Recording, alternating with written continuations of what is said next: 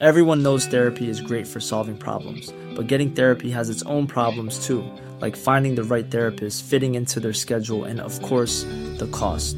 Well, BetterHelp can solve those problems. It's totally online and built around your schedule. It's surprisingly affordable too. Connect with a credentialed therapist by phone, video, or online chat, all from the comfort of your home. Visit betterhelp.com to learn more and save 10% on your first month. That's BetterHelp, H E L P. This is Paige, the co-host of Giggly Squad, and I want to tell you about a company that I've been loving, Olive and June. Olive and June gives you everything that you need for a salon quality manicure in one box. And if you break it down, it really comes out to $2 a manicure, which is absolutely insane. It's also so easy to get salon worthy nails at home with Olive and June. The difference between how your nails used to look when you did them yourself and now with the Manny system is a complete game changer. The best thing about Olive and June too is it's a quick dry. Dries in about one minute, lasts for five days, and full coverage in up to one to two coats. Visit oliveandjune.com slash perfectmanny20 for 20% off your first system. That's oliveandjune.com slash perfectmanny20 for 20% off your first system. One size fits all seemed like a good idea for clothes Nice dress. Uh, it's a it's a t-shirt. until you tried it on. Same goes for your healthcare. That's why United Healthcare offers a variety of flexible, budget friendly coverage for medical, vision, dental, and more. So, whether you're between jobs, coming off a parent's plan, or even missed open enrollment, you can find the plan that fits you best. Find out more about United Healthcare coverage at uh1.com. That's uh1.com. Vi är denna vecka sponsrade av Indie Beauty. Och Sofie, det här tycker jag är extra fint och extra roligt. Ja men Indie Beauty är ju ett skönhetsvarumärke som jag tror att väldigt många känner till, men det jag älskar mest det är att Indie Beauty liksom vill vara mer än bara produkter, vilket de ju också är. Exakt, Indie Beauty står ju för Independent Beauty, skönhet på dina villkor och för din egen skull. Och Indie Beauty tror ju stenhårt på ett alternativt skönhetsideal fritt från måsten, skam och känslor av otillräcklighet. Där är jag helt med Indie Beauty. Jag med. Det är så jag vill att skönhet ska vara. Ja men verkligen. Och vet du vad som är nytt för i år Sofie? Berätta. Från och med i år så skänker Indie Beauty 1% av sin försäljning till Suicide Zero, Tjejzonen och Djurens Rätt. Så när man handlar produkter från Indie Beauty så kan man liksom känna att man också ger tillbaka till samhället. Ja, kraften i tillsammans. Ska jag säga en sak nu då, Mm. som jag, det, men det är detta jag är extra glad över. Nu har Indie Beauty tagit fram en keps och den tycker jag ändå så på sommaren, skyddar sig från solen. Jättebra, jag älskar kepsen. Men det bästa, de bidrar till Suicide Zeros viktiga arbete för att minska antalet självmord och självmordsförsök. Så för varje såld keps så går hela vinsten, 100 kronor, direkt till Suicide Zero. Då kan man liksom göra nytta både för samhället och sin hud på en och samma gång. Ja, och kepsen kostar 169 men alltså hela vinsten går då som sagt till Suicide Zero. Så om man vill göra skillnad när man är där ute i solen, nu när den börjar titta fram, då ska man välja den här kepsen. Den säljs exklusivt på indiebeauty.se och på Apotea. Tillsammans kan vi skapa en ljusare framtid. Vi ses med kepsarna på! Tack Indie Beauty. Vi är sponsrade av Mindler och som ni säkert vet sedan tidigare så är vi ju ute på psykologresan tillsammans. Men hur vet man egentligen när det är dags att söka hjälp? Ibland uppstår saker i livet som kommer utmana oss och kännas tufft. Det mesta självläker vi oss igenom, för vi är menade att ta oss igenom en viss mängd påfrestningar. Men ibland behöver man professionell hjälp för att ta sig ur jobbiga perioder i livet. Men vart går då gränsen? Vad är en del av livets skavighet och när är det läge att söka hjälp? Det sägs till exempel att stress är farligt, men att det också kan vara bra. Alla sover dåligt ibland, så när har man egentligen sömnproblem? Ångesten kommer väl krypande för de flesta någon gång. Så när ska man se ångesten som outhärdlig? Hur vet jag? Med oss som psykolog har vi såklart min gamla psykolog Linnea Seidbrant. Men Linnea, vad är egentligen utmattningssyndrom? Utmattningssyndrom är en konsekvens av svår och långvarig stress utan möjlighet till återhämtning. Vi är ju då skapta för att klara av stress, men vi behöver också återhämtning. Om du utsätts för för mycket stress under en lång period utan att du får till den nödvändiga återhämtningen så kommer kroppen till slut att säga ifrån. Och det är faktiskt så att alla har en gräns. Du kan drabbas av en rad fysiska eller psykiska besvär som trötthet, sömnproblem, hjärtklappning, besvär från magen och tarmarna och mycket annat. Och det här är ju då varningssignaler och tecken på att du kan behöva göra någonting åt din situation. Annars så kan besvären utvecklas till att du mår så dåligt på sikt att du blir psykiskt och fysiskt utmattad. Ladda ner Mindler till din telefon och läs mer på mindler.se.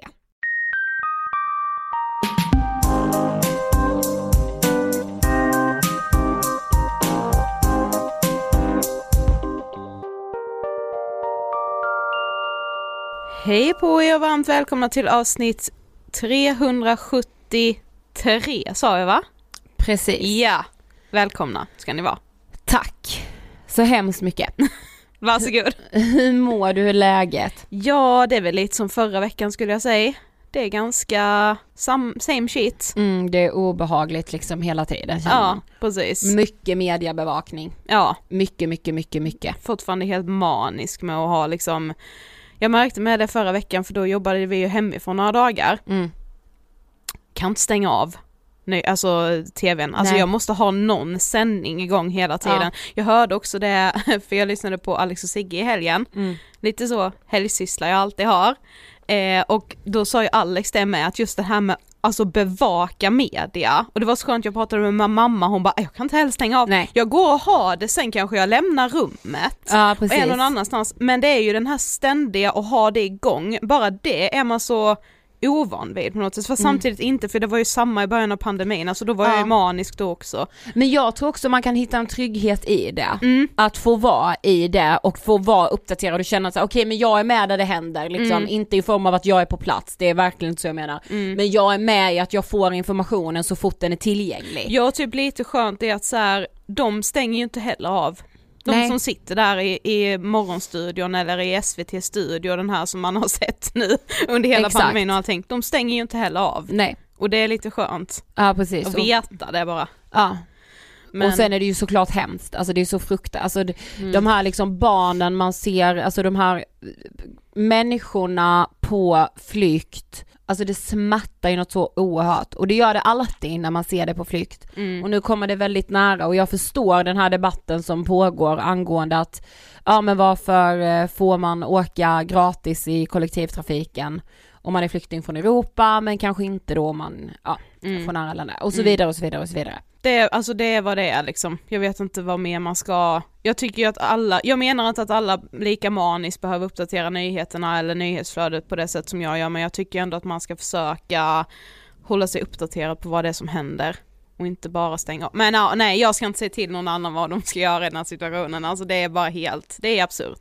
Ja, fast jag, jag måste ändå säga att det är väldigt, väldigt viktigt Mm. att hålla sig uppdaterad och det är väl ändå det minsta man kan göra i, i ett land där det inte är krig och i ett land där man ändå liksom eh, i något sånär trygghet kan vandra till skola, jobb eh, och ha någon, någonstans att gå utan att det ljuder ett flyglarm. Jag, där, där, där känner jag att jag, Jag, ja, jag säger inte vad som är rätt och fel, men jag säger ju vad jag tycker. ja, där kan jag säga att jag tycker att det finns ett rätt och ett fel. Ja.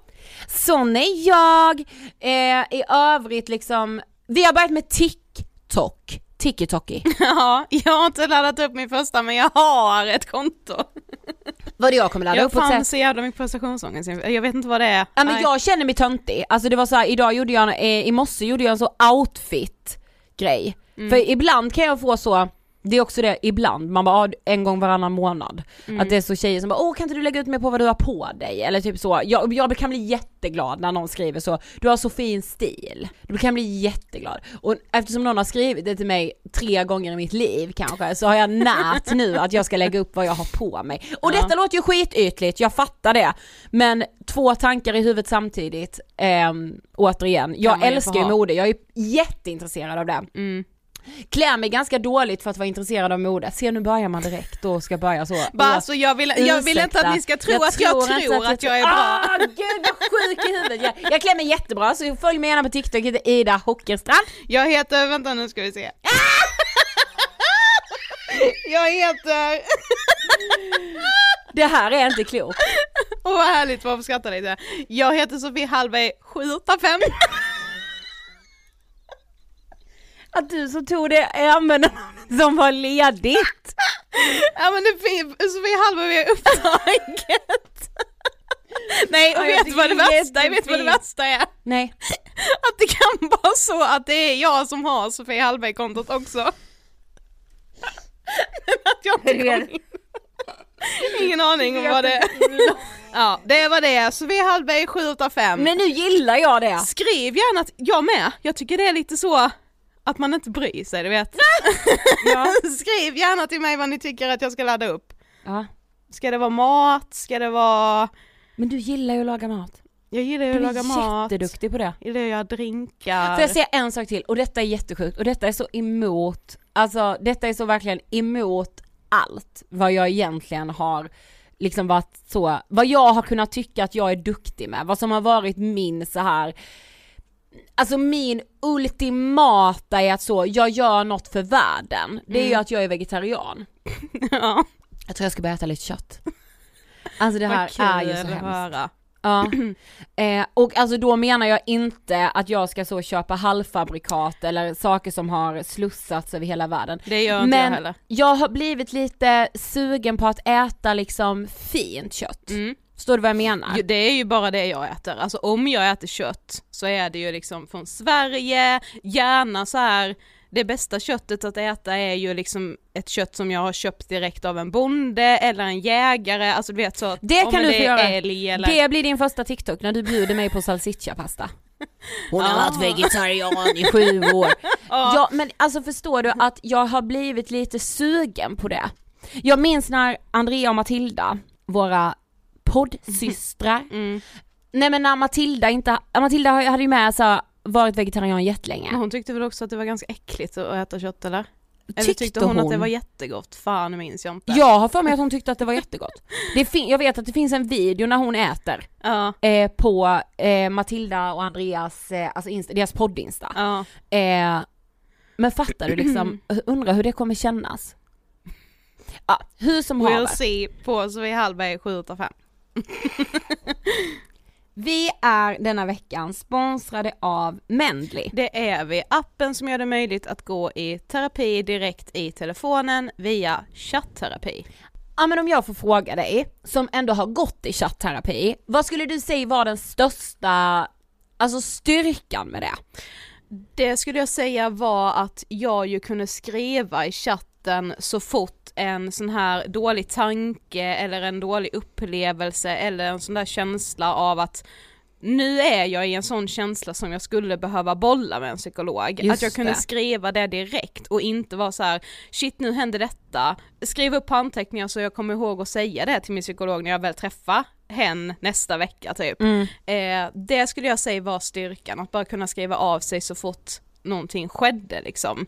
Eller så fort en fråga kom upp i huvudet eller liksom, ja det var ju också att man är trygg i själva chattforumet. Ja. Alltså man har ju chattat så mycket i sina dagar. Nej men verkligen. Ja, att man liksom, att första gången man ska gå i terapi så är man ju ganska nervös och det kan kännas svårt och läskigt framförallt. Exakt. Och att då befinna sig i ett rum som man ju i övrigt är väldigt trygg i, eh, det gör ju det kanske lite lättare, eller det gjorde det för mig i alla fall. Ja men, men det tänker jag, det du beskriver nu är ju också Mendlis alltså främsta styrka, i alla fall om jag får säga deras främsta styrka, sen är det såklart många. Men, men just den här att nu känner jag det här och nu kan jag också skriva det direkt. För hos Mendley får du svar från din terapeut flera gånger i veckan och du kan alltså skriva precis när du vill. Ja, och detta gör ju också att det inte är några väntetider, så när du väl har fått igång en chatt, då är liksom chattrummet öppet hela tiden och det är ingen väntetid för dig som patient. Mendley hjälper dig att hitta en terapeut som passar just dig och dina behov. Du laddar ner Mendley via App Store eller Google Play. Tack Mendley. Dagens gäst. Alltså det här är ett så otroligt underbart avsnitt. Alltså jag log mig igenom hela den här intervjun. Det kommer ni höra också. Vi har med oss the queen, the queen, the queen. Camilla Hamid. Ja, Sveriges bakdrottning.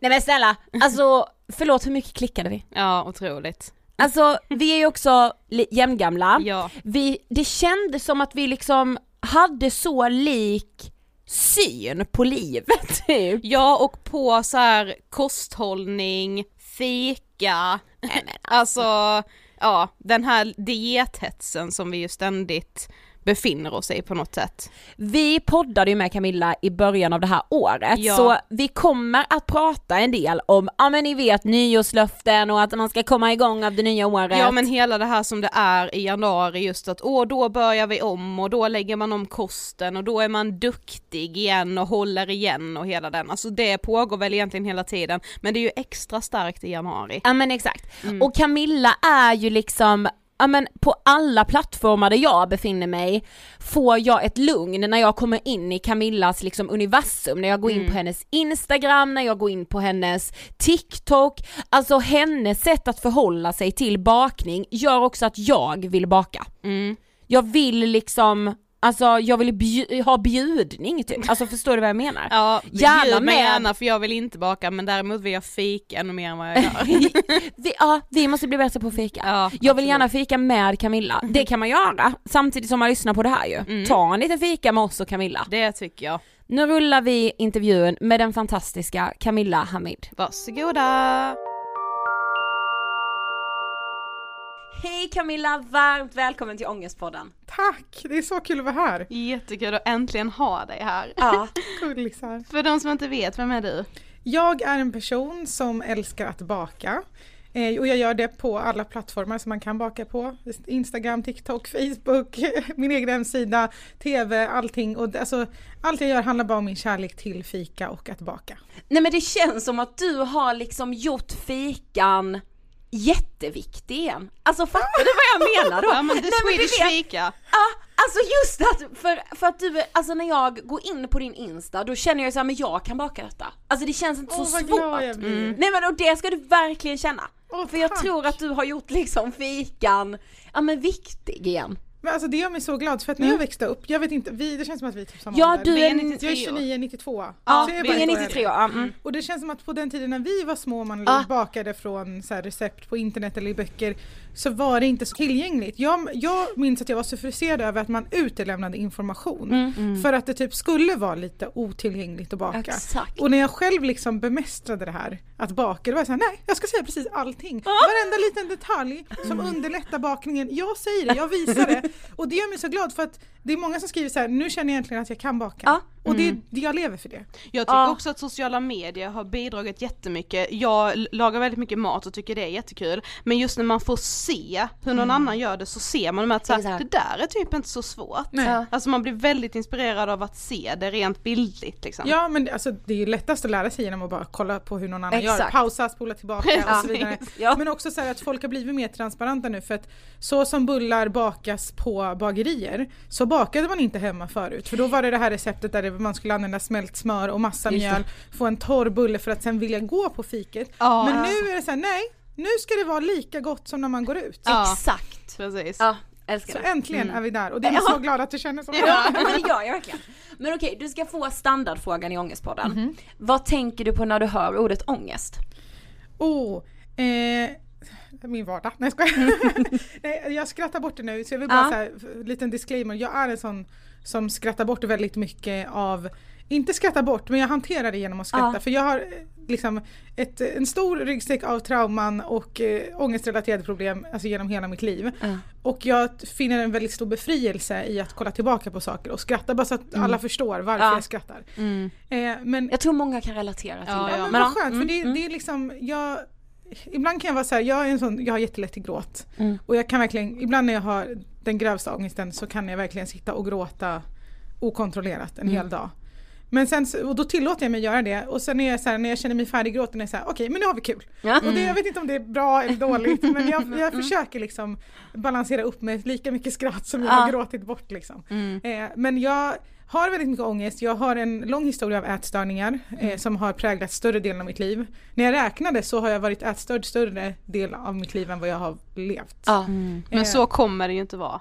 Nej, det det är det jag hoppas på att så här, det, det, snart kommer jag väga upp med massa friska år inom citationstecken. Så, men för, även om jag är frisk idag så är jag nykter frisk brukar jag säga för att Ja. jag måste jobba aktivt varje dag med att vara frisk. Särskilt i perioder som de här när jul och nyårsledigheten är över och varenda en ska hålla på och mixtra med maten och jag vill bara liksom sätta på mig hörselkåpor och stänga av tills alla är färdiga och har släppt det för att jag, jag måste jobba ännu hårdare den här tiden på året Ja. med att inte falla dit. För att varenda en i min omgivning pratar om Ja.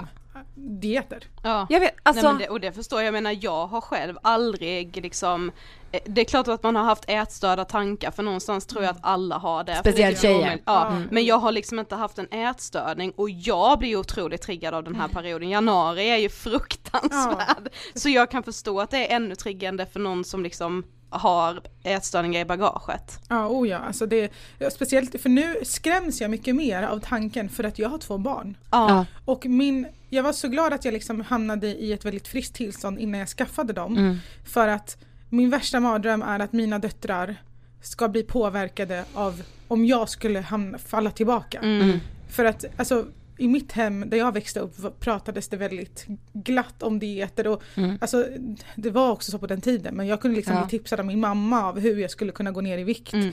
Det var liksom inga det var inte konstigt. Så det är en, men å andra sidan är det inte så konstigt att man blir ätstörd då. Nej. Eh, så att jag, jag vill liksom att mitt största, alltså om de växer upp och får ett, en hälsosam relation till mat så är jag den lyckligaste människan på jorden. Mm. För att jag vet vilken ångest det innebär att behöva tänka varenda gång man äter. Även om jag är frisk idag så måste jag varenda, vid varje måltid slå bort en tanke som gör mig illa. Mm. Och det är så utmattande. Ja.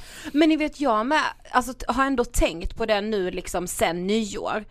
Man bara så här, jag vill ju inte höra om det här, varför ger ni, varför kommer det tips till mig? Jag ber inte om det här! Nej. Ja men jag det är nästan som att man ju, alltså man borde tänka på det. Ja. det är liksom det normala. För att varenda en pratar om det och då blir det liksom en naturlig reaktion att man tänker vänta borde jag också? Ja, och så får man bara så här påminna sig själv, nej så är det inte. Exakt. Alla har, det, det här är bara liksom ett, ett to- en toxic värld vi lever Ja, i där man förväntas vara och se ut och bete sig på ett visst sätt. Och det, alltså, jag älskar mina vänner och min familj till alltså, månaden Ja. tillbaka men jag kan ibland bli så här, trots att jag har påmint dem om så här, snälla prata inte om det här runt mig för att jag blir faktiskt jättetriggad och så det kan bli så jävla farligt. Mm. Så glömmer de bort och Ja. jag förstår det men det är liksom Ibland vill jag bara så här, som sagt gå i det tills det här är över och så går Ja. jag tillbaka. Ja.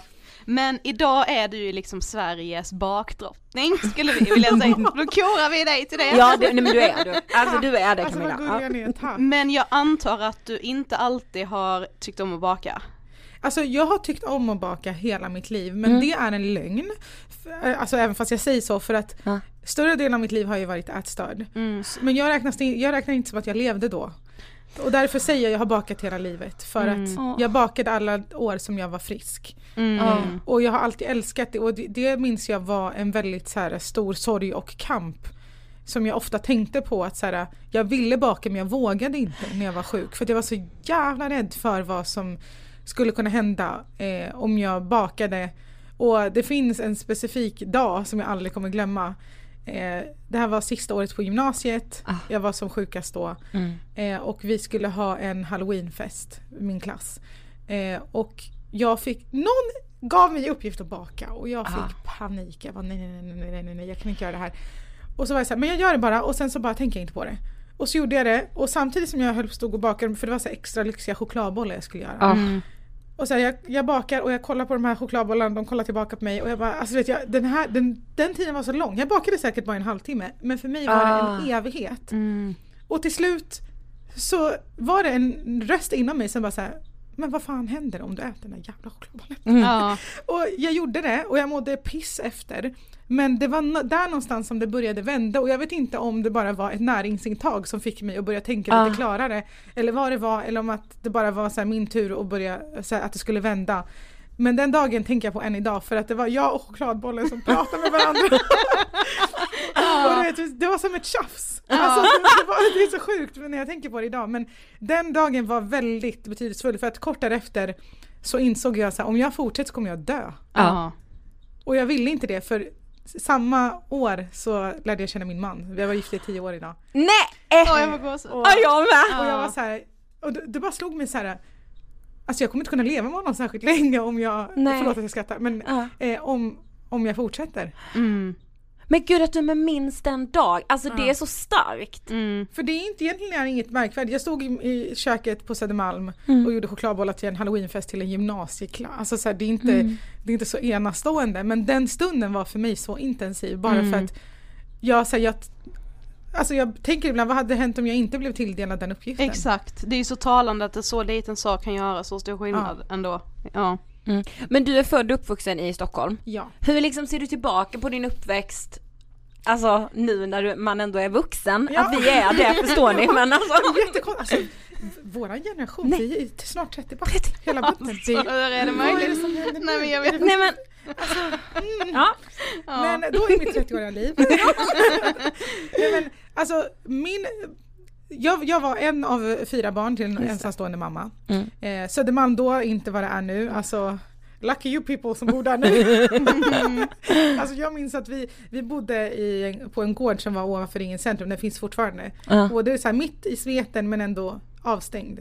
Så jag och mina syskon vi lekte där hela dagarna, varje dag. Eh, och det var så här klassiker, min mamma kunde bara gå ut genom fönstret och bara nu är det mat och sprang in. Ja. Och vi lekte med fullisen som hängde där. Alltså jag minns fortfarande, han hejade på Hammarby, vi pantade burkar. Han köpte öl, vi på köpte Hammarby, så refreshgodis. så det var, det var väldigt så här, den delen av min barndom var väldigt fin. Men sen var det så, på den tiden var det inte så många med invandrarbakgrund eh, på Söder. Så jag var alltid den konstiga och jag var det på så många olika nivåer.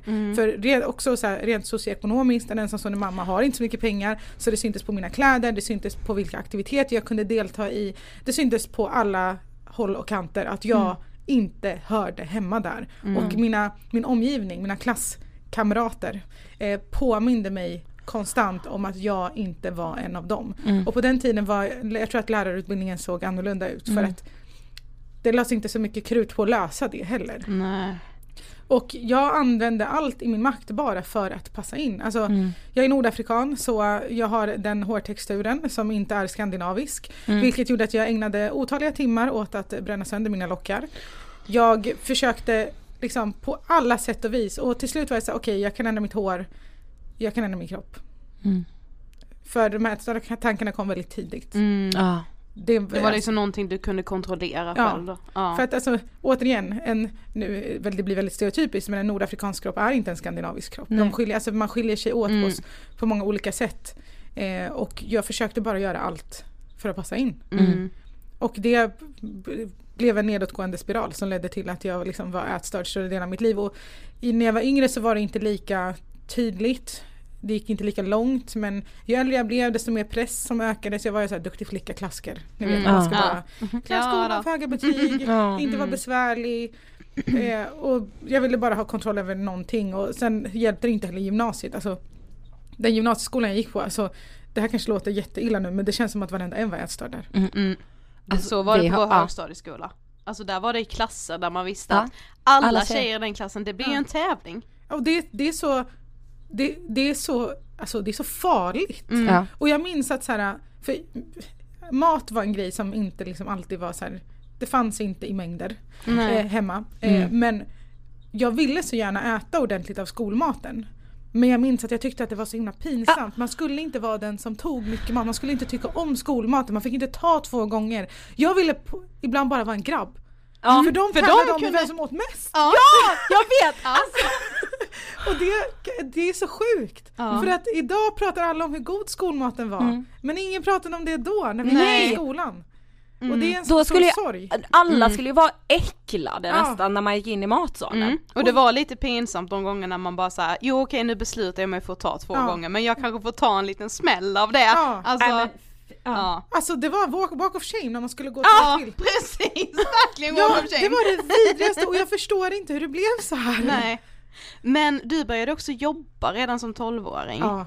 Var det liksom för att hjälpa din mamma rent ekonomiskt eller liksom? Ja, alltså många brukar säga det, Åh, om du jobbar sedan du var 12, varför är du inte stenrik nu? Nej, för att det gick till familjen. Ja. Jag, det var inte så något sparkonto jag hade som, där jag fick bygga upp en buffert för att kunna köpa en lägenhet eller någonting. Nej. Utan det var alltså helt, man växte upp och så hjälpte man till för att det ska Mm. gå runt. Och det var en självklarhet för mig, för att vad fan, kan man jobba så gör man det Mm. i min värld. Mm. Eh, och jag började med att dela ut tidningar och sen så fick jag så här, extra jobb på café och så utvecklade det sig till så här, jag jobbade i tunnelbanan. Alltså så här, det, jag bara tog de jobbchanser jag fick, jobbade, pluggade stenhårt, jobbade. Jag, hade, jag var aldrig liksom det här jag brukar tänka, jag är så glad att se mina barn idag för att de är ju barn på riktigt. Mm. Noll ansvar, leker bara. Och det är, jag är så glad att jag kan ge dem det för att vi har det ekonomiskt så bra. Mm. Att vi inte har något behov av att någon, något barn går och jobbar. Men jag hade inget annat alternativ. Nej. Nej, ja men Och- kände du det att du inte fick vara barn riktigt? I skolan fick jag vara det. Mm. Men då, där fick jag ta en annan smäll. Exakt. Mm. I form av utanförskap. Så att det, jag, jag, jag är också den äldsta av fyra syskon. Ja. Jag är också den enda tjejen. Mm. Mm. Eh, jag var den som hjälpte min mamma att fylla i formulär till Försäkringskassan och Mm. liksom skriva CV. Sen jag, var liksom, jag minns att eh, min mamma skulle söka jobb som vårdbiträde en gång. Mm. Och jag insåg typ så här ett år efter jag hade skrivit fyra olika ansökningar till henne för vårdbiträde. Och jag hade insåg att jag skrivit vårbiträde. Åh. Och jag, alltså det var så jobbigt för jag var så här, åh. Hon fick ett, ett jobb till slut men det, Ja. det var innan, jag in, innan hon fick ett jobb så var jag väldigt orolig över att mitt stavfel skulle orsaka henne arbetslöshet. Mm. Så det var på den nivån och, då, och jag är otroligt tacksam för det idag. För att det är tack vare det som när jag väl flyttade hemifrån och skapade min familj, jag hade stenkoll på allt. Ja. Inga, alltså så här, Försäkringskassan, ho, jag klarar mig själv. Men vet ni vad jag också tänker på som är så, alltså just som du säger, eller som du beskrev med utanförskapet i skolan och att, alltså där är man ju barn och de som ska ta hand om en är lärare, alltså de är vuxna. Men att det blir så att det var så, ja ah, men jag kan ju tänka mig att som för dina lärare att det bara var så, ja ah, men det är så för Camilla, åh vad jobbigt men Ja. ja. vi, vad ska vi göra? Mm. Alltså. Nu är det så. För det, det, det, alltså man pratade inte, jag har ju själv gått lärarutbildningen Ja. idag och, har, och jag det känns som att den lärarutbildning jag har gått är inte samma som mina lärare gick. Nej. Man pratar om inkludering och konflikthantering på ett helt annat sätt än vad jag ens blev bemött med av en gnutta när jag var Exakt. liten. Mm. Alltså, och jag tänker att också så här, för de gånger som jag ens sa någonting till en lärare så blev jag ombedd att bara flytta på mig. Istället för att kanske hantera grundproblemet. Exakt. Mm. Så can't blame them för man gör det bästa av det, den kunskap ja. man har men jag är glad att det är bättre idag. Mm. Men, men du nämnde ju det också just att ätstörningarna började tidigt. Mm. Kan du minnas liksom hur det gick till eller liksom hur började det? Alltså, ni vet den här sjuk skolsköterskebesöket när man ska vägas och mätas. Mm. Så jävla mysigt. Ja. Problemet med det var att, återigen, alltså jag gillar inte att prata så mycket om kroppar men min norda, nordafrikanska kropp är inte gjord för den skandinaviska mallen för hur ett barn bör växa. Mm. Och att man ens pratar om mallar är ju Ja, skitäckligt exakt. men Ja. ja, vi Men alla vet ju vad och vi det- pratar om. Mm. Nu när jag har egna barn så märker jag att de ser på det på ett helt annat sätt vilket jag är sk- Mm. väldigt tacksam för idag. Men på min tid Ja. eh, Vi är så gamla så det är Ja. ja. Men då, då förväntades man vara en viss kropp och var man Mm. inte den så vart det, istället för att liksom säga okej det här är din kurva, du följer din kurva som man Mm. gör idag. Så är så här, du följer inte den här kurvan som alla andra ska följa. Mm. Jag är inte den här nätta personen och jag kommer aldrig vara det och det blir ett problem när man mäter mig efter de måtten. Ja. Och alla, när så fort man kom ut så skulle man säga till alla tjejer i klassen vad man vägde. Och, Ja. Åh fy fan det är så. och också att man av en vuxen person blir tillsagd att så här, var försiktig med vad du äter nu. Det sätter inte Ah. en jättebra grund. Nej. Nej, tvärtom. Mm. Men eh, ja, så det var, började, jag minns att det började där för jag var så här, oj okej jag borde vara så här. För jag, jag har alltid varit den som har varit rädd för att göra fel och jag kände typ att det var som ett fel Mm. som jag Ah. behövde rätta till. Och det blir svårt Mm. när man liksom samtidigt ska växa och bli en, alltså en hel kropp. Ja, Så, alltså, så, så mixtrar man med näringsintaget, det är inte, så, det är inte jättebra. Nej. Men hur såg liksom ätstörningen ut och hur länge liksom, ja men hur länge var du sjuk? Eh, alltså mitt tidigaste minne var väl ändå så här typ 10, 11, 12 års ålder, jag kan inte säga exakt. Det hela den tiden bara en dimma. Men Mm. eh, det var där någon gång och det det började med var att jag, jag vet att jag så här, höll på mycket med så här, jag vill inte gå så mycket in på detaljer Nej. men det var att det gick väldigt mycket upp och ner. Mm. I vissa perioder kunde det vara väldigt, var, kunde jag vara väldigt hård mot mig själv och sen så släppte jag och så gick jag tillbaka och så här. Men det blev som värst när jag började gymnasiet. Mm. Eh, f- men, och jag tror att det har att göra med att jag, man brukar skämta om att så här, barn till invandrare förväntas bli läkare, jurister Just det. Mm. eller pilot, annars är man familjens svarta får. Mm. Och man bär också på, i alla fall jag bar på en skuldkänsla av att så här, nu har mina föräldrar kommit till ett land Everyone knows therapy is great for solving problems, but getting therapy has its own problems too, like finding the right therapist, fitting into their schedule, and of course, the cost. Well, BetterHelp can solve those problems. It's totally online and built around your schedule. It's surprisingly affordable too. Connect with a credentialed therapist by phone, video, or online chat, all from the comfort of your home. Visit betterhelp.com to learn more and save 10% on your first month. That's BetterHelp H E L P. I'm Sandra, and I'm just the professional your small business was looking for. But you didn't hire me because you didn't use LinkedIn jobs. LinkedIn has professionals you can't find anywhere else, including those who aren't actively looking for a new job but might be open to the perfect role, like me. In a given month, over 70% of LinkedIn users don't visit other leading job sites. So if you're not looking on LinkedIn, you'll miss out on great candidates like Sandra. Start hiring professionals like a professional. Post your free job on linkedin.com/people today. Life is full of awesome what ifs, and some not so much, like unexpected medical costs. That's why United Healthcare provides Health Protector Guard fixed indemnity insurance plans to supplement your primary plan and help manage out of pocket costs. Learn more at uh1.com. eh, med alla möjligheter i världen. Min mamma fick inte ens gå i skolan. Mm. Här får jag gå i skolan helt gratis. Det minsta jag kan göra är att försöka få det bästa. Mm. Och enligt hennes mått så var det att bli läkare. Ja. Eh, så jag har satt enorm press på mig själv. Alltså varje betygssamtal var en gråtsession. För att jag var så extremt nervös. Och mitt självförtroende på den tiden var inte bättre än mitt senaste prov.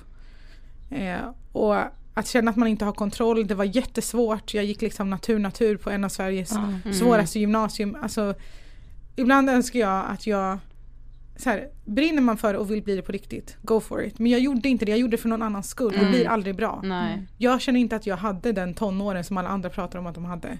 För att det var bara präglat av att så här, jobba, plugga, mixtra med mat. Det var Mm. min tonår. Men förstod du att du hade en ätstörning eller var det bara en del av att så här, ha kontroll på allting liksom? Alltså, Jag förstod det när det var som värst. Mm. Men alla andra år innan fattade inte jag det. Jag tänkte nej men vadå, alla håller ju på så här. exakt, det är ju så, var- man, många tänker det-. Och jag har inte, jag tror att jag har pratat, alltså på den, när jag höll på att bli frisk så pratade jag med kuratorn på skolan en gång för att någon elev på skolan sa att hon var orolig. Jag fick aldrig veta vem det var. Eh, men på den tiden, jag vet inte, jag lyckades alltså, snacka mig ur det där på något sätt. Ja. Men sen när jag själv var redo så, och det, min väg till att bli frisk så som jag är idag var väldigt lång och krokig för jag tog aldrig alltså, professionell Hjälp. hjälp. Jag, det, var, det finns en bok som har hjälpt mig otroligt mycket som heter Mattillåtet, kan verkligen rekommendera den. Ah. Mm. Den är jättebra. Eh, och där finns det både handfasta tips men också så här, tankeövningar. Eh, men annars var det bara liksom byta miljö. Mm. Var en av mina, för jag träffade min man när jag var 18. Gifte mig med honom när jag var 19. Eh, och jag bodde med honom i ett helt år i Marocko och det var så otroligt befriande. Att byta miljö, bort från söder, bort från Ja. all, alla de, liksom, det snacket om vikt och kropp och hela den grejen. Till en värld där mat ändå inte är en självklarhet Mm. att det finns. Så man är tacksam för den Nu menar, nu menar inte jag att ätstörning är ett tacksamhetsproblem. Nej, nej men, Men med mm. det mindsetet som de hade så Mm. fanns det inte ens på fråga att ta bort mat. Mm. För det fanns inte så mycket mat från början. Och man, i den marockanska kulturen äter man från en och samma tallrik. Mm. No way att jag lyckades väga någonting. Nej. eller räkna någon kalori. Eller, och samtidigt så fick jag enormt mycket kärlek från min man. Mm. Jag brukar säga det är inte tack vare honom som jag blev frisk men med stor hjälp av honom. Mm. Mm. Alltså han Alltså, alltså det också, jag var gift med honom i tio år, vi har två barn tillsammans och det, han har oavsett hur jag har sett ut eller hur jag har mått eller någonting, han har funnits där. Mm. Om det, om det om något är ändå så här självförtroende boost. Ja, fint. så. ja. Men alltså vet ni vad jag tänker, jag bara slungas också tillbaka, alltså nu när du Ja. börjar berätta Camilla om liksom ens Ja men typ som det, dels att skolsköterskan väga Mm. sig. På, alltså när jag gick på mellanstadiet så hade vi så en våg i omklädningsrummet till skolidrotten.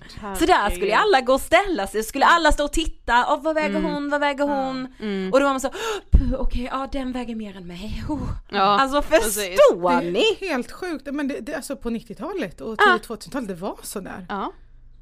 Ja det var det. Alltså, så det, är var egentligen inte så konstigt att, att man mådde som man mådde och att man hade den fixeringen vid vikt och mat och experimentera och det var, det var så alla kändisar höll ju på och öppnade, pratade öppet om sina dieter och så gjorde man, skulle man göra som dem. Mm. Alltså, jag, är- det här är hemskt men jag älskade att gotta mig i bilder på de här kändisarna som var och så hade det dröja hans mål så- och se ut sådär eller mål ser ut sådär. Ja. Alltså det är fruktansvärt. Mm. Problemet är ju också att de här dieterna existerar ju egentligen på exakt samma sätt idag men man kallar ju inte det dieter. Nej, nu är man exakt. bara hälsosam och Mm. man utesluter saker för att det är bra för tarmfloran. Alltså typ sådana bara- saker. Man ska äta rent och det är liksom, ja sockret är liksom som heroin. alltså, Ja, men alltså, det är det, man bara pratar i andra termer. Ja, för ja, att det är man vet att det funkar samma bättre. Men i grund och botten så handlar det bara om att alla håller på att mixtra med maten Ja. hela Mm. tiden. Ja och, och den här hälso Alltså att man ska vara så extremt hälsosam och ren, alltså det är också, den fixeringen nu är ju brutal. Ja, och det, det liksom känns som att det har normaliserats för att man just bara pratar om hälsa, men hälsa är väl inget fel Exakt. Nej precis. Nej det är det inte. Men det var, alltså hälsa är också ett relativt begrepp. Exakt. Det är samma sak när folk säger så här, att något är nyttigt. Ja men det är väl relativt beroende på hur man pratar om nyttigt eller hälsosamt. Mm. Alltså i min värld, hälsosamt idag, är- det är ju någonting jag har fått jobba med väldigt mycket för att ens få den uppfattningen av vad hälsosamt är. Det är bara att vara frisk och glad. Ja. Alltså Ja! Det, det finns en grej som jag det här är inte ett symptom som man pratar om när det kommer till eh, anorexi. Jag hade anorexi och ortorexi. Mm. Eh, jag slutade gapskratta. Åh. Den försvann. Och jag har alltid i mitt liv varit en person som kan skratta så att ni vet, alltså när man får kramp i Ja. magen och det bara rinner tårar. Den försvann. Gud, nu ryser jag också för att Ja. det, alltså, Och, och jag, jag minns att när jag väl började bli frisk igen och jag minns att jag, jag var så i sovrummet med min lillebror eller någonting och han och jag, vi hade, alltså jag har en helbror och vi hade verkligen, vi hade ett jättefint band. Men under min ätstörda, period, jag blev som apatisk. Alltså vi snackade inte, vi gjorde ingenting. Alltså, men så jag, började jag tillfriskna eh, på ett eller annat sätt och så satt vi i rummet och kollade på någonting. Och vi båda bara dör av garv. Och i samma veva började jag gråta. Ja. För så jag har fått tillbaka. För det var då jag insåg fan jag har inte gapskrattat på flera år. Nej. Och jag är den som skrattar mest i vanliga fall. ja. Och det är det, där, där insåg jag så här, hälsa, det är så här, om jag känner mig glad inombords oavsett premisserna runt omkring. Jag är Mm. bara genuint skitglad. Äter bra, sover bra, skrattar gott. Mm. Alltså det där är det rikaste livet. Ja. det är Alltså så gud, det, är där var sant. så fint, jag blev helt Ja. berörd. Men alltså hur kom bakningen in i ditt liv? Alltså när liksom, efter det här med när du pratar med chokladbollar.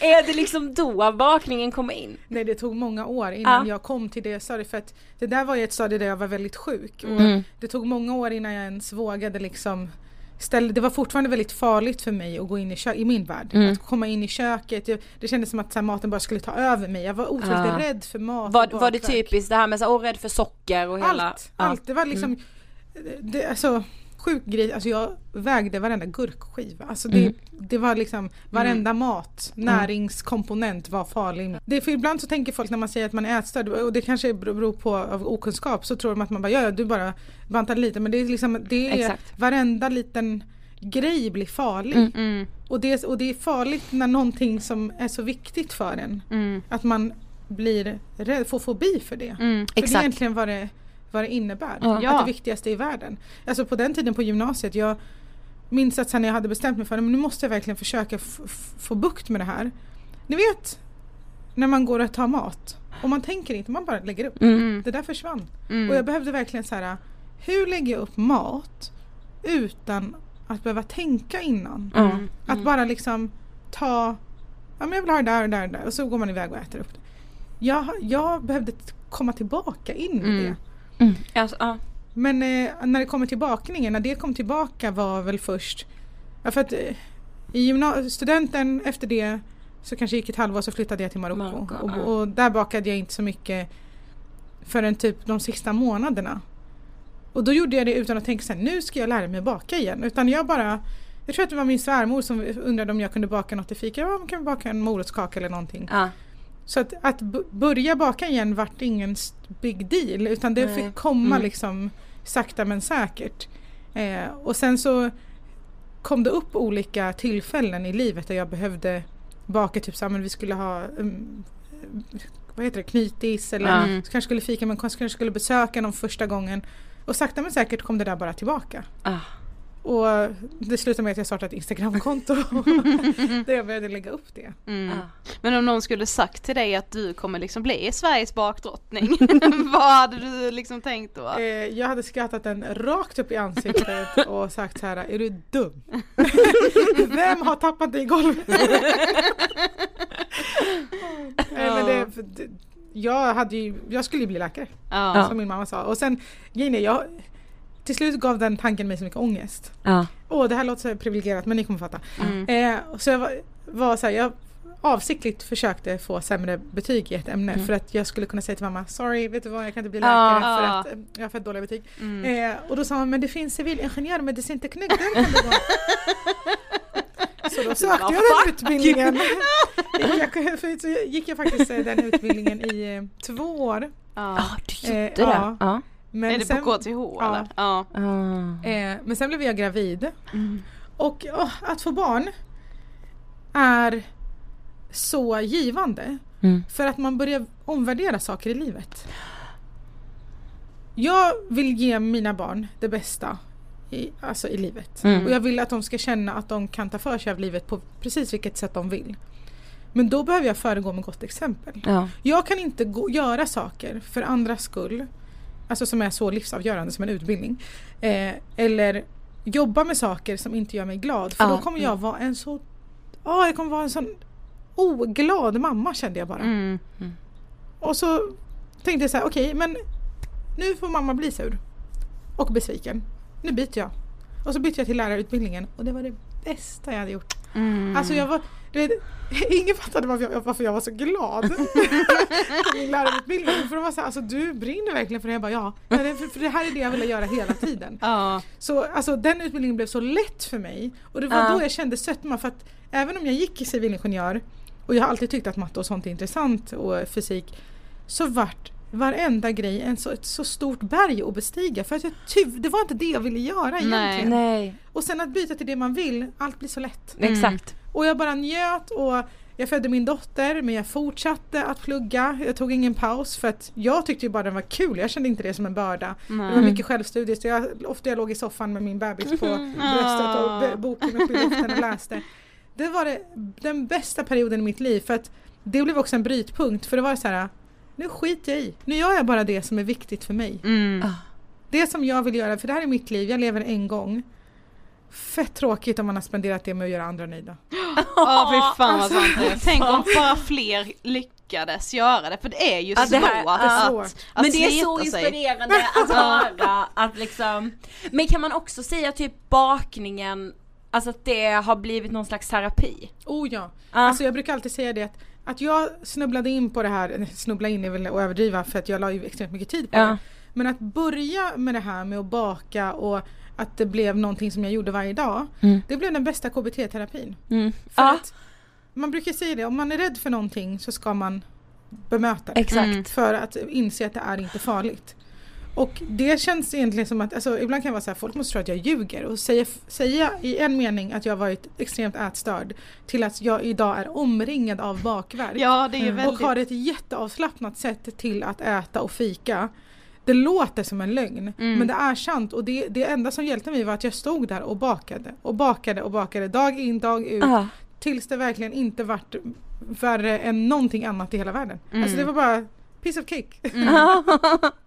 Ja men jag vet när det, att jag tänkte på det när du var med i eh, Sofia Dahléns paradrätten. Ja. Då sa du med så här att, ja men det är så många också som håller på och bakar fast man bakar nyttigt. Ja. Och så här, det handlar, alltså det är väl bara att, ba, att liksom baka och äta en bulle med socker i, men Ja. man behöver inte äta tio bullar. Nej. Det handlar ju om att hitta den balansen. Ja men exakt och äta precis Alltså för att det som jag märker är, och det, som, det, det vet jag att andra förstår egentligen.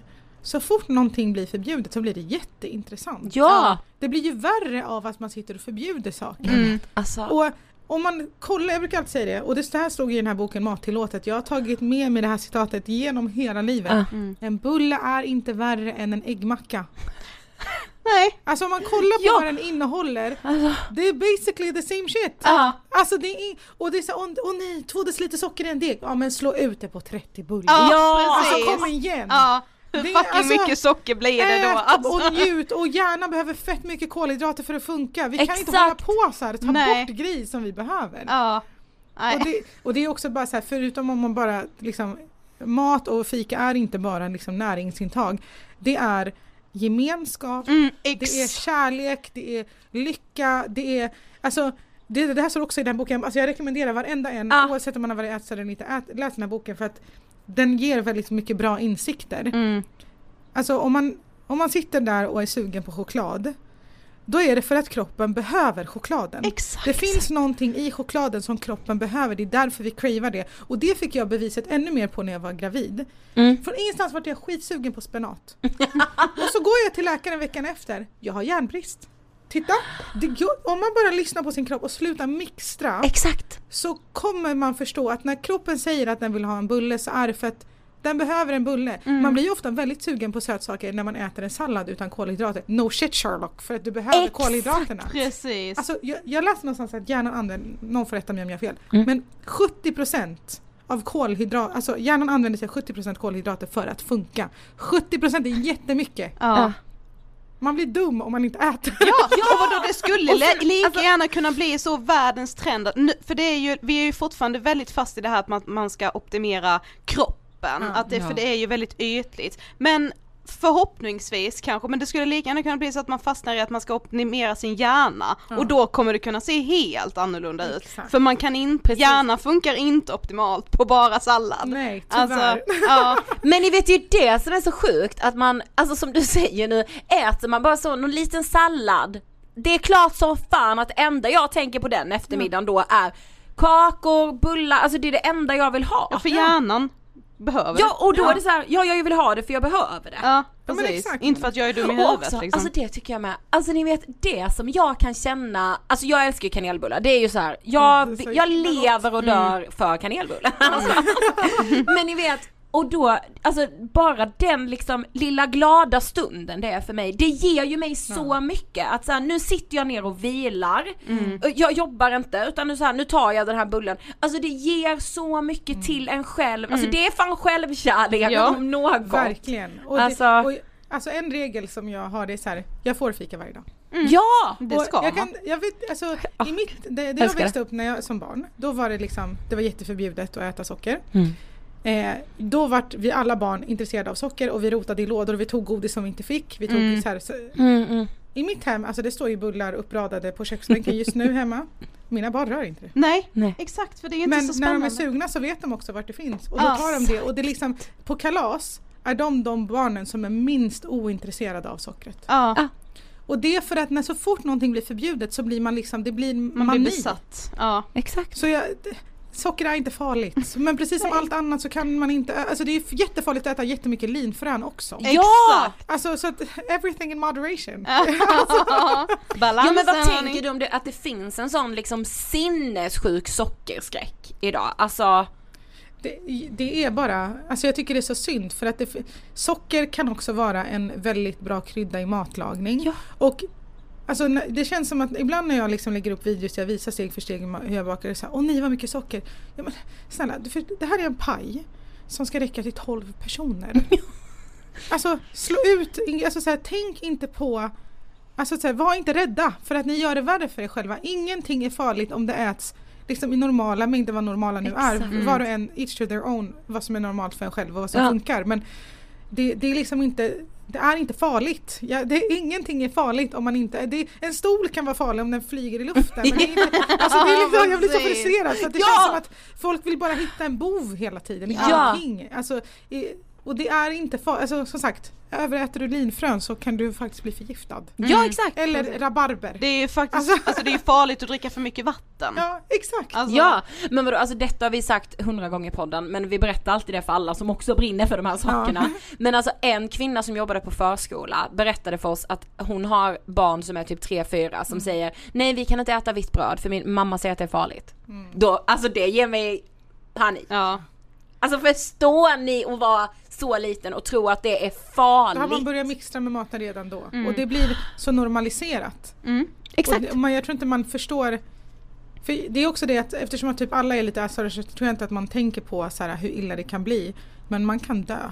Ja. Och det som är, jag också läste i den här boken är att, och det, in, det kände jag för att när man är så pass ätstörd så eh, krymper många inre organ. Ja. Men den dagen man börjar äta det som kroppen behöver igen så återställer sig kroppen oftast Mm. direkt. Mm. Och det, alltså jag kunde känna det. Ah. Det var, alltså, så det, det, är, det är något av det positiva jag kan ta med mig av att ha den erfarenheten är att så här, jag insåg värdet av hur viktig maten är. Mm. Alltså mat är livsviktigt. Det är, jag hatar mat är bränsle men det är, alltså man måste ha mat för att funka. Det är liksom, det, Precis. det är det som jag hatar när man gör någonting som är så viktigt för kroppen så farligt när det inte är det. Nej, Exakt. precis. Men du som liksom ändå nu jobbar med att baka och sociala medier och sånt, märker du, märker du av den här fixeringen mycket? Är det många som skriver till dig typ såhär, åh kan du inte liksom ge tips på nyttigare bullrecept? Jo, typ? Alltså, Speciellt nu under januari. Mm. Alltså, det är så mycket som är så här. Och det vissa tycker det är gott, vissa vill göra så och jag kommer aldrig lägga mig i vad någon annan har för kosthållning. Men jag är inte rätt person att fråga Mm. om det. Jag, för det första vill jag inte. Eh, jag kommer, alltså, visst det är väl så här, jag kan, även, även jag gör daddelbollar. Alltså, så här, det är Ja. ett Ja nice man tycker det är gott, det är Men nice jag kommer alltså. inte liksom jag har gjort, jag vet att jag har gjort det misstaget för många år sedan och skriva så här, alltså när jag visste sämre och skrev så här, åh nyttiga chokladbollar. Mm. Det är bara, alltså det är bara mat. Alltså, Mm. Ja. så att jag, det finns de som gör den typen av innehåll eh, då brukar jag säga så här, kolla upp något annat konto som har det för jag, jag kan inte hålla på och prata i de termerna. Det är inte bra för mig eller för människor runt omkring. Jag vill bara Nej. att min Instagram ska vara en plats där man känner att det är så här kravlöst och kul och gott, Mm. ingenting annat. Mm. Men du sa ju en intressant sak till oss att du har märkt i liksom pandemin Mm. att folk faktiskt inte är ute efter så mycket så nyttigt. Inte jag har lika mycket. betydligt färre. För det, Ja. I vanliga fall så brukar jag vara väldigt orolig inför januari. Dels för att jag vet att den här typen av meddelanden kommer in i väldigt stor utsträckning. Jag kan få många meddelanden som lyder Hej jag måste avfölja dig nu för att jag ska börja nyttigt. Men tack Aha. för allting. Alltså, så här, det tycker jag ändå är fett fint. Alltså, så här, man får Ja. ett. Ja, men ändå, alltså, men ändå så sorgligt att ja, man känner att ja. nu ska jag, okej hej då lämna. Ja, du står där och vinkar. Jag kanske kommer tillbaka i oktober när hösten kommer och allt är Ja, mörkt och så kommer de tillbaka sen i fettisdagen. Men jag märker att, alltså för att då brukar det också vara väldigt sparsam med att lägga upp inlägg. Jag kanske la upp så här med färre, alltså med en glesare frekvens. Men sen pandemin så upplever jag att fler och fler släpper på det där. Och jag, pandemin är hemsk på många sätt. Men om det är så att det har lett till att allt den här hemmatiden har fått oss att se på mat och fika på ett annat sätt, då är jag jätteglad. Mm. Och kanske att man också har fått den här inställningen till att Alltså så länge min kropp håller mig frisk Ja. så ska jag verkligen bara ta hand om kroppen och inte straffa den Nej. hela tiden. För det är ju det, är ju det vi gör. Alltså, Exakt, och det är kanske där man ska prata om hälsa på riktigt. Så här, ja, men bara det här frisk och glad och det funkar. mm. Man kanske har förlorat, alltså det är det också det som är så synd att det är först när man förlorar människor runt omkring sig på bekostnad av dålig hälsa, till exempel en, eh, ett virus eller någon annan sjukdom som man Mm. förstår så här. Det enda som betyder något är gemenskap och glädje och hälsa. Mm. Det andra är inte, det är bara krusiduller som Ja. vi kan ta bort. Gapskratten Ja. ska jag ta med mig. Det är fan det viktigaste Alltså vi det har. där, jag kommer inte kunna släppa det. Nej. Det var Ja. Men, men jag tänker också, alltså just, alltså det känns ju som att så fler och fler liksom unga tjejer blir ätstörda, att fler och fler unga tjejer liksom, ja men jag tror att så här, åh socker är förbjudet och jag får Mm. verkligen inte det. Kan du känna också det just kring unga tjejer? Alltså jag vet inte om jag bara har hamnat på rätt sida av sociala medier. Mm. Men jo, jag jämför ju också med min barndom som var så här otroligt ätstörd, speciellt tonåren eh, Mm. i, det, och det gymnasiet jag gick på. Men det känns som att det inte är lika trendigt att vara jättesmal längre. Mm. Eh, på gott och ont. Mm. Eh, och att det liksom är mer, det känns som att man får mer cred om man är en person eh, som njuter av mat och äter och liksom skapar en trygg miljö för det. Sen jag vet att det handlar om att man hamnar på olika sidor av sociala medier. Mm. Det finns säkert eh, en stor del som fortfarande, att det är väl lika toxic som det var då eller, Ja. eller ännu värre idag. Mm. Eh, jag är ju inte tonåring längre så jag har inte samma Nej. insyn. Men jag hoppas att vi går åt det hållet där det är bättre och mer credit även för tonåringarna att inte bry sig. Exakt. Fika är fan credit. Ja, eller hur? Alltså fika, det viktigaste vi har. Alltså Ja, på, på det- nej, men alltså, jag, eh, alltså jag brukar, brukar bli så besviken på min marockanska kultur och då är det så här, de fikar inte på samma sätt. Nej. det, det är liksom, de har sitt te som de dricker. Ja, just det. Men det Mm. finns ingenting som slår det svenska fikat. Nej. Det är alltså vi ska vara så stolta Ja, det över det. vi. verkligen och alla snackar om det.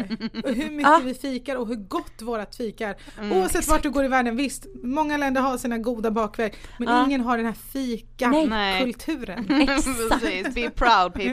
Ja. Nej men ärligt. Ja. Då har vi kommit till sista frågan. Ja. Vad inspirerar dig? Mm. Just nu i mitt liv är det, finns, och det här låter så klyschigt, Mm. men mina barn inspirerar mig Ja. otroligt mycket. Och det är utifrån, jag har insett på senare år att jag gör, jag bryter väldigt många generationsmönster. Mm. Eh, och den tanken är först överväldigande men också så här, okej men det här betyder att det blir bättre efter mig. Ja. För eh, ingen annan kvinna i min eh, släkt har utbildning. Ingen annan min, kvinna i min släkt har körkort. Ingen annan kvinna i min släkt är egenföretagare. Oh my god. Eh, Ah. Och jag är så tacksam för att jag idag har möjlighet att bryta dem. För att i och med att jag inte har sett någon kvinna innan mig i min släkt göra de här sakerna så är det jätteläskigt för mig att göra dem. Mm. Och det är säkert det även om man har sett det. Men Mm. det, alltså jag minns, jag skaffade nyligen en studio för att mitt jobb äter upp mitt hem och jag vill liksom skapa en arbetsplats. Ja. Eh, och jag går in i den här studion och jag verkligen hulkgråter. Alltså du vet, det är så här, alltså, Men det var för att jag så här, jag, jag är så här, är det här mitt? Mm. Är, det, är det här, har jag rätt till det här? Ja. Eh, och, när, och då tänker jag så här, jo, och jag måste också äga det för att då kommer mina barn känna att det är lika stor självklarhet för dem, oavsett vilka val de gör i livet, att det är lika självklart att ta för sig som det var för deras mamma. Mm. Ja. Och därav så inspirerar de mig varje dag. Jag ser dem och bara tänker så här, för man kan ändå se sig själv i sina barn. Ja. eh, och det är väldigt läkande för mig också att ge dem allt det där som jag inte fick för att vi inte kunde. Eh, och bara, jag vill att de ska känna att de har hela världen framför sig och att allt är självklart. Mm. Fan vad fint. Alltså det här var så fint. Ja, tack så jättemycket för att du ville gästa Tack själv för att jag fick komma. Tack.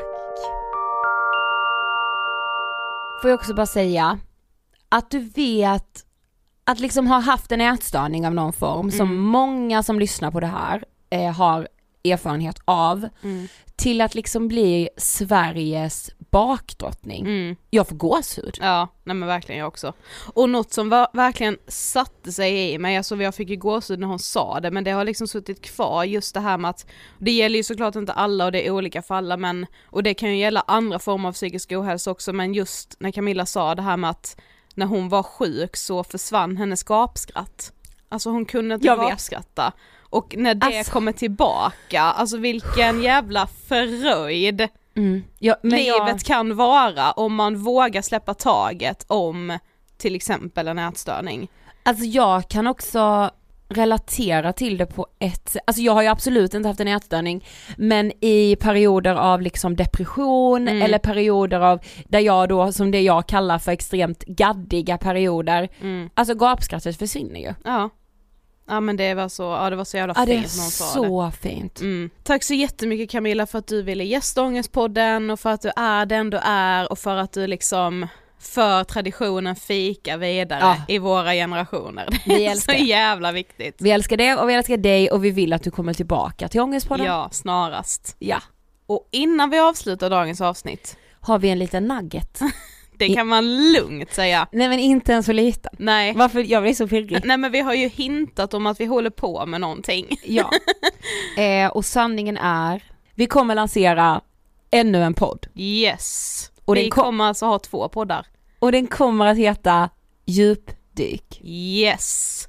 Den kommer släppas lite så, man vet inte. Man vet inte. Nej. Men det man vet, det är att man går in i sin podcast-app, var man än lyssnar på sina poddar, Podplay, Spotify, eh, iTunes, var man än lyssnar. Mm.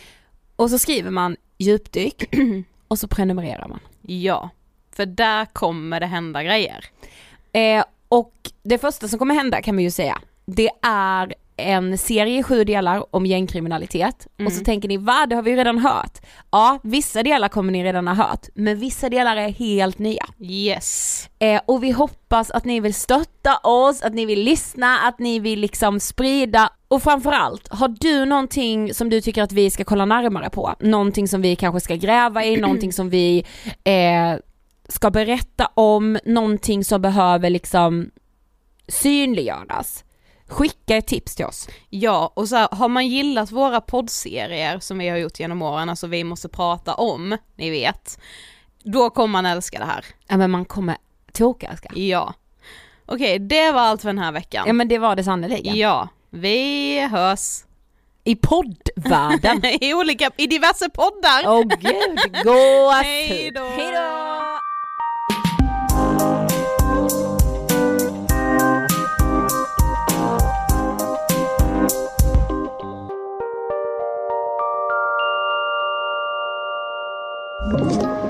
Podplay.